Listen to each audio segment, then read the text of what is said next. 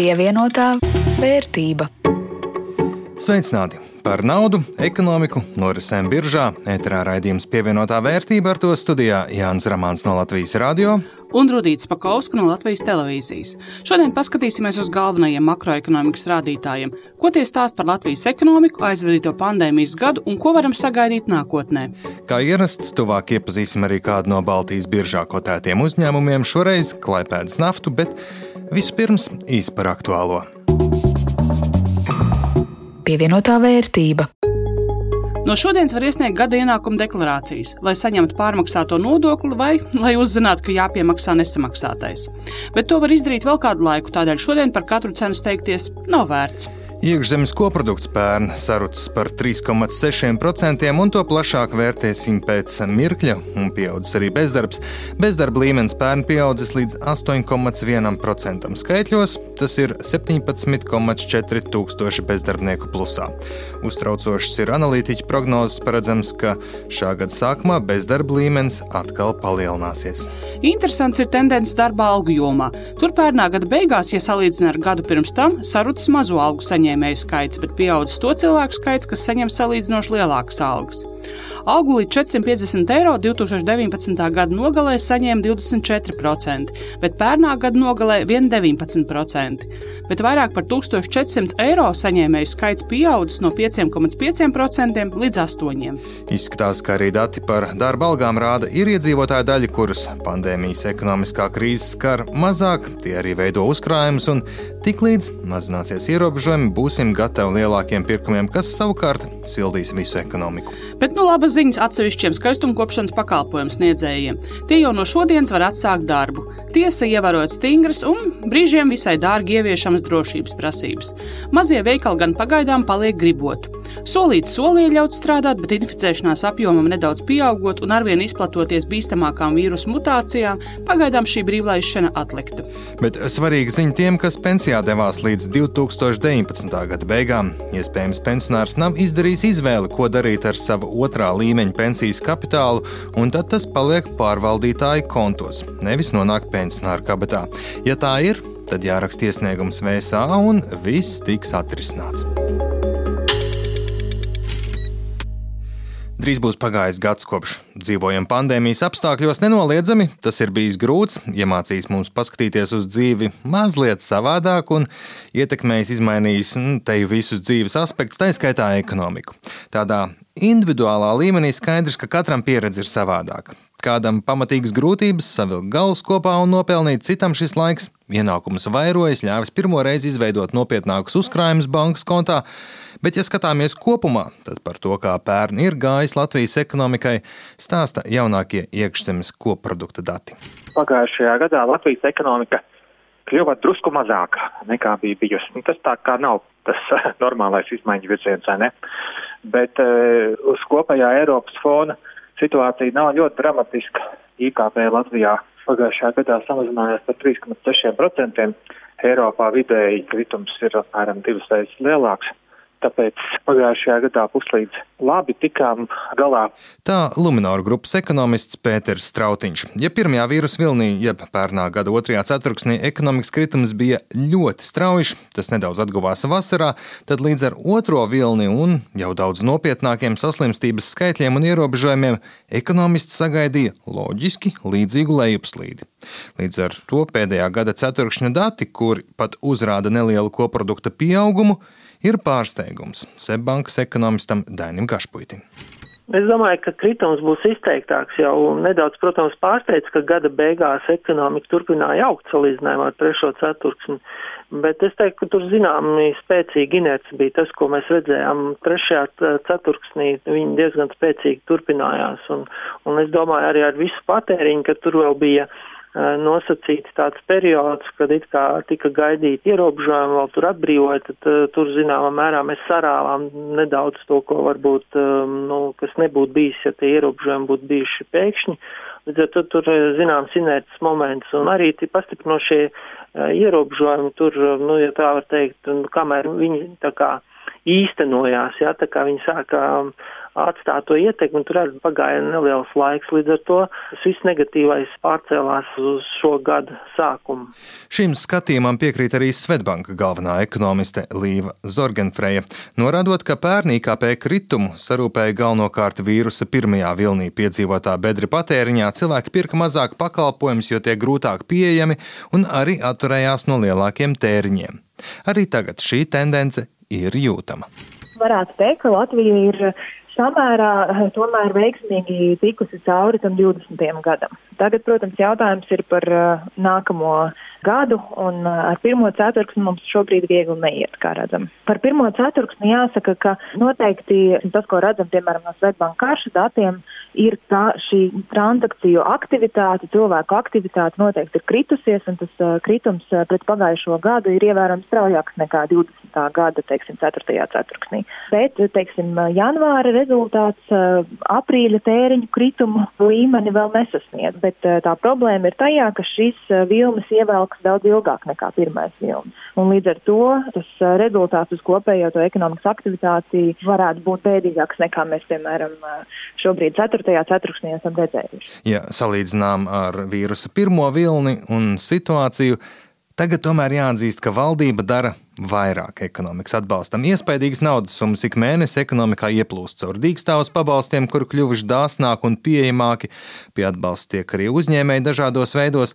Martā par katru bērnu to vecāks saņems 500 eiro. Ir politiska vēlme atbalstīt pensionārus un cilvēkus ar kustību traucējumiem, un pirms vēlēšanām arī pašvaldības izrāda neviltotu interesi pabalstīt, izmaksāt universālus krīzes pabalstus saviem iedzīvotājiem. Kā tas palīdz vai kaitē ekonomikai? Tas, ka valdība dara vairāk nekā pirmajā vilnī, tā ir laba ziņa, jo mēs uh, salīdzinājām ar, arī pat ar mūsu kaimiņiem, kuriem ekonomikas krita mazāk nekā mums, mēs valdība ir atbalstījusi kā mazāk šo privāto sektoru. No otras puses, uh, protams, jautājums, vai mēs nesāksim braukt atkal otrā grāvī, tīpaši, kā jūs teicāt, ar vēlēšanu tuvošanos un ar eh, to vēlmi šobrīd jau pārāk daudz atbalstīt un pārāk plaši. Jo, ja mēs eh, skatāmies uz tām cietušākajām iedzīvotāju kategorijām, tad tās eh, īstenībā liela daļa iedzīvotāju joprojām jūtas finansiālā ziņā pat samērā labi. Mēs redzam, ka iedzīvotāju kopējie mājasemniecību uzkrājumi aug. Un tas, protams, apslēpi tās atsevišķās grupas, kurām iet ļoti bēdīgi, bet līdz ar to tas stāsts ir, būtu vēlams vairāk, ka ir par to, ka mēs atbalstam nu, tomēr mērķētākas grupas. No otras puses, protams, brīdī, kad ir um, grūti kaut ko nomērķēt, kā šobrīd valdībai uh, šķiet ir, tad uh, tajā brīdī tad varbūt uh, jābalsta ir, uh, nu, teiksim, plašāks iedzīvotāju loks, riskējot varbūt iztērēt par daudz. Bet jāatcerās vienmēr, ka galu galā mums šie līdzekļi būs tomēr jāatmaksā kaut kādā brīdī. To, ka nauda nav par brīvu, atzīmē arī citi manis uzrunātie eksperti, un tā būs jāatmaksā Latvijas ekonomikai agrāk vai visticamāk vēlāk. Bieži dzird to bažīgo jautājumu, nu kā tad mēs to parādu atmaksāsim. Viņa tāda, ka mēs šo parādu vēl vismaz ļoti, ļoti ilgi neatmaksāsim, un mums to neviens neprasīs. Jo redziet, situācijā, kad uh, valsts parādu var uh, pārfinansēt apmēram par 0%, un mēs neesam tālu no tā. Vienalga, vai parāds ir 50, 60 vai 70%, vienalga parādu pārfinansēt šīs izmaksas ir apmēram 0%. Tātad nākotnē stratēģija ir uh, droši vien šo parādu nebūs jācenšas izmisīgi samazināt, viņi varēs pārfinansēt ar ļoti zemām izmaksām vai nekādām ļoti ilgu laiku. Nākotne. Ko sola tā? Ir skaidrs, ka turpmākajos gados Latvijā ieplūdīs iespaidīgas naudas summas. Arī citas valstis stimulēs savas ekonomikas, tērēs milzīgu naudu un no tā iegūs arī Latvijas ekonomika. Par to eksperti ir viensprāts. Protams, visu var ietekmēt vīrusu jaunais paveids, nespēja pasaulē tikt galā ar to.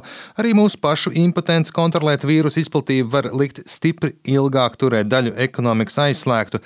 Bet kas notiks pēc tam? Būs kaut kas līdz šim nepieredzēts.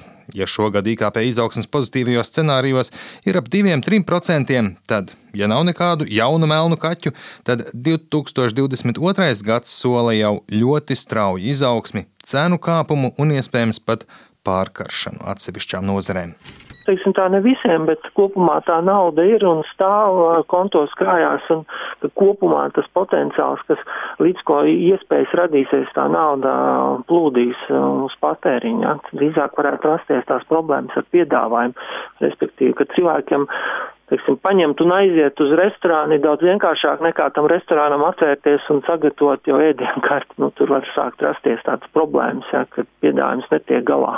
Ņemot vērā visus šos papildus uh, līdzekļus, kas ieplūdīs ekonomikā, ir jābūt ļoti, ļoti uzmanīgiem ar to, kā mēs plānojam šo projektu sadali laikā jo būvniecības nozarei ir kaut kāda kapacitāte. Kā redzam, kritumu mēs pat 20. Eh, gadā neesam īsti redzējuši.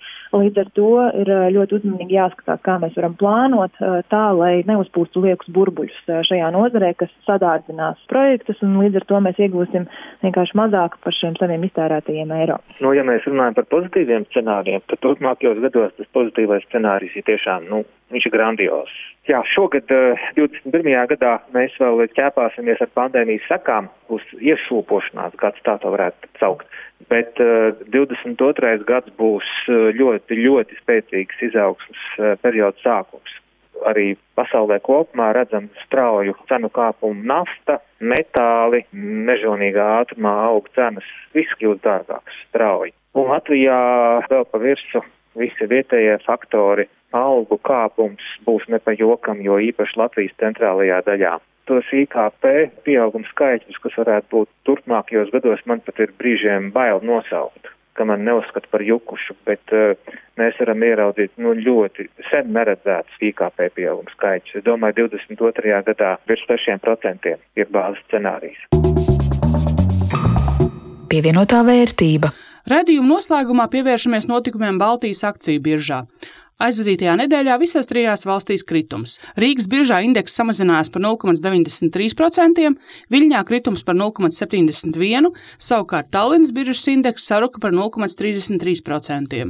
Likums sakarīgi tas ietekmēja arī mūsu personīgos akciju portfeļus. Varētu teikt, ka es vēl esmu ticis cauri Sausām kājām zaudēti aptuveni 5 eiro, portfeļa vērtība šobrīd 372 eiro un kopš Sākām mūsu eksperimentālo sāncensību ar starta kapitālu 300, pieaugums joprojām cienījami 24,3%. Bet, cik saprotu, tev rudīt šī nedēļa nebija diezko jauka. Nu, nav tik labi kā tev, bet nav jau arī pilnīgs izmisums. Kopējā portfeļa vērtība plus 15,49% vai 45,72 eiro plusā. Nu, vismaz uz papīra. Bet jā, daudz esam runājuši, ka nevar velti akciju tirgus ir viens no riskantākajiem. Jārēķinās ne tikai ar kāpumiem, bet arī ar kritumiem. Tā man panevežas statubas trestas šonadēļ precīzi pa nulēm. Pa kādu cenu akcijas nopirku, par tādu pašu šobrīd varētu mēģināt pārdot. Bet gan jau arī manā ielā uzspīdēs saulīte un izlauzīšos tev priekšā. Atpakaļ pie biržas skaitļiem aizdītajā nedēļā lielākais apgrozījums bija ar Lietuvas energo koncerna Ignitis grupu akcijām. Tā liecina tirzniecības dati. Ignitis grupu akcijas tirgotas 3 miljonu eiro vērtībā un vērtspapīra cena nedēļas laikā samazinājās par 0,24%. Otrajā vietā pēc apgrozījuma šonadēļ darījumi ar Lietuvas bankas šauļu banka akcijām. Ar tām veikti darījumi par 1,3 miljoniem eiro. Uzņēmuma vērtība saruka par aptuveni 1%. Trešais tirgotākais vērtspapīrs Igaunijas osts uzņēmuma Tallina sadama akcijas 1,1 miljonu eiro vērtībā. No trīnieka vienīgais vērtspapīrs, kuram šonadēļ vērtības pieaugums - par pusprocentu. No Latvijas uzņēmumiem tirgotākā bija zāļu ražošanas uzņēmuma Olēna farma akcijas ar pieticīgu 129 tūkstošu eiro apgrozījumu. Akciju cena saruka par aptuveni 2%. Turpinām iepazīt arī Baltijas biržā kotētos uzņēmumus, vērtējot tos ar investoru acīm. Cik prātīgi tādā būtu ieguldīt savu naudu, un šoreiz par klaipēdas naftu pastāstīs Linda Zalāne. Good morning, ladies and gentlemen! Welcome to the webinar of Klaipēdas Nafta. The Chief Executive Officer, Darius Šilenskis, So, of course, year 2020 was full of challenges. Klaipēdas naftas izpildirektors Darījus Šilenskis webinārā investoriem atklāja, ka Covid-19 krīze nav gājusi secen arī Klaipēdas naftai, un gads bija izaicinājumi pilns. Uzņēmuma grupas ieņēmumi 2020. gadā bija 80 miljoni eiro, kas ir par teju 23% mazāk nekā 2019. gadā. Gadā. Pozitīvi, ka šis gads ir iesācies veiksmīgi. Sākotnējie uzņēmuma naftas termināļu pārdošanas ieņēmumi par 2020. gada janvāri ir 2,4 miljoni eiro, kas ir par 20% vairāk nekā 2020. gada janvārī. Tomēr uzņēmuma akciju cena biržā krīt. Klaipēdas nafta, jeb Klaipēdas nafta, akciju cena šobrīd atrodas tik zemos līmeņos, kādos tā nav atradusies kopš 2015. gada. Uzņēmuma rādītājs biržā vērtē uzkrājumu un ieguldījumu eksperts Kaspars Pēcenieks. Ja skatāmies tikai no cenas skatu punkta, tad visi, kuri klēpētas naftas akcijas ir iegādājušies pēc 2015. gada, ir ievērojamos mīnusos. Tā viens no iemesliem tam ir Covid-19 ietekme, un tā ir būtiski ietekmējusi arī klēpētas naftas darbības rezultātus. Plašo ierobežojumu dēļ ir samazinājies dažādu naftas produktu patēriņš. Kritums no valsts uz valsti atšķirās, taču Klaipēdas nafta lēš, ka tas ir robežās no 10 līdz 35 procentiem atkarībā no ierobežojuma striktuma. Otrais Covid-19 vilnis pagājušā gada izskaņā ietekme ir būtiski paildzinājis, un otrs būtisks iemesls finanšu rādītāju kritumam ir Baltkrievijas faktors. 2020. gadā 25% no kopējiem naftas produktu pārkraušanas apjomiem Klaipēdas naftai veidoja Baltkrievijas naftas produktu eksports. Pērnā gada decembrī Klaipēdas nafta tika informēta par īslaicīgu naftas produktu transportēšanas pārtraukšanu no Baltkrievijas. Tomēr vēlāk uh, tika noskaidrots, ka uh, Baltkrievijas eksportētāji šobrīd Klaipēdas naftu vairs nepiedāvā kā transportēšanas variantu. Tad uzņēmuma vadība uzskata, ka var pieņemt, ka 2021. gadā uh, naftas produkts no Baltkrievijas vairs neies caur Klaipēdas ostu. Tas, protams, atstās būtiski ietekmi uz uh, finanšu rezultātiem. Attiecībā uz dividendžu politiku Klaipēdas nafta ir konsekventa. Kas par spēcinieks stāsta, ka 2020. gada uzņēmuma stratēģijā paredzēts, ka vismaz 50% no peļņas tas izmaksās dividendēs. Vēsturiski kopš 2016. gada dividendēs ir izmaksāti vismaz šie 50% un pēdējos divus gadus pat 100% apmērā. Peļņa viena akcija 2020. gadā bija 2 2,7 centi. Un ņemot vērā ielgušo Covid-19 ietekmi un e, neseno Baltkrievijas lēmumu, e, manuprāt, pastāv diezgan augsta varbūtība, ka dividendi varētu tikt izmaksāta krietni mazāk procentuālā apmērā nekā iepriekšējos gados. Ja skatāmies šī brīža dividendes likmi, kur redzam biržas mājaslapā, 6,3% varētu likties man gan pievilcīgs dividendžu ienesīgums. Tomēr jāatcerās, ka to aprēķina e, pēdējo 12 mēnešu laikā izmaksāto dividendžu apmēru, izdot ar šodienas cenu.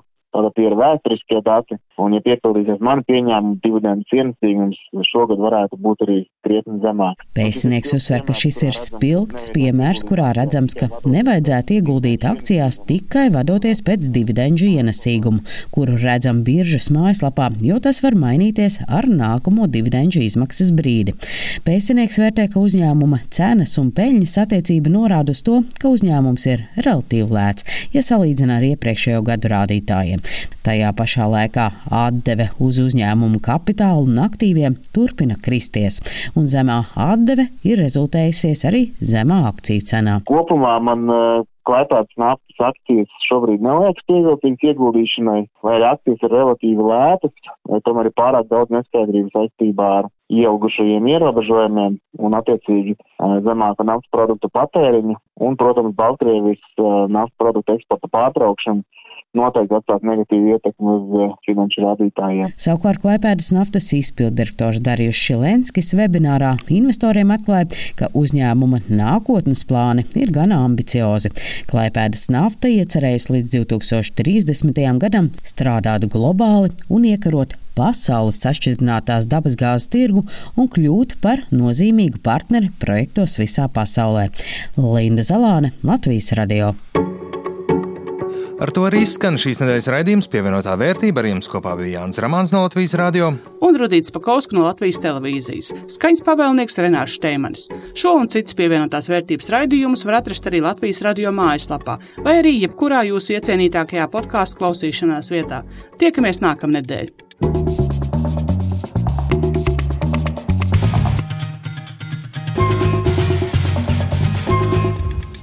Pievienotā vērtība.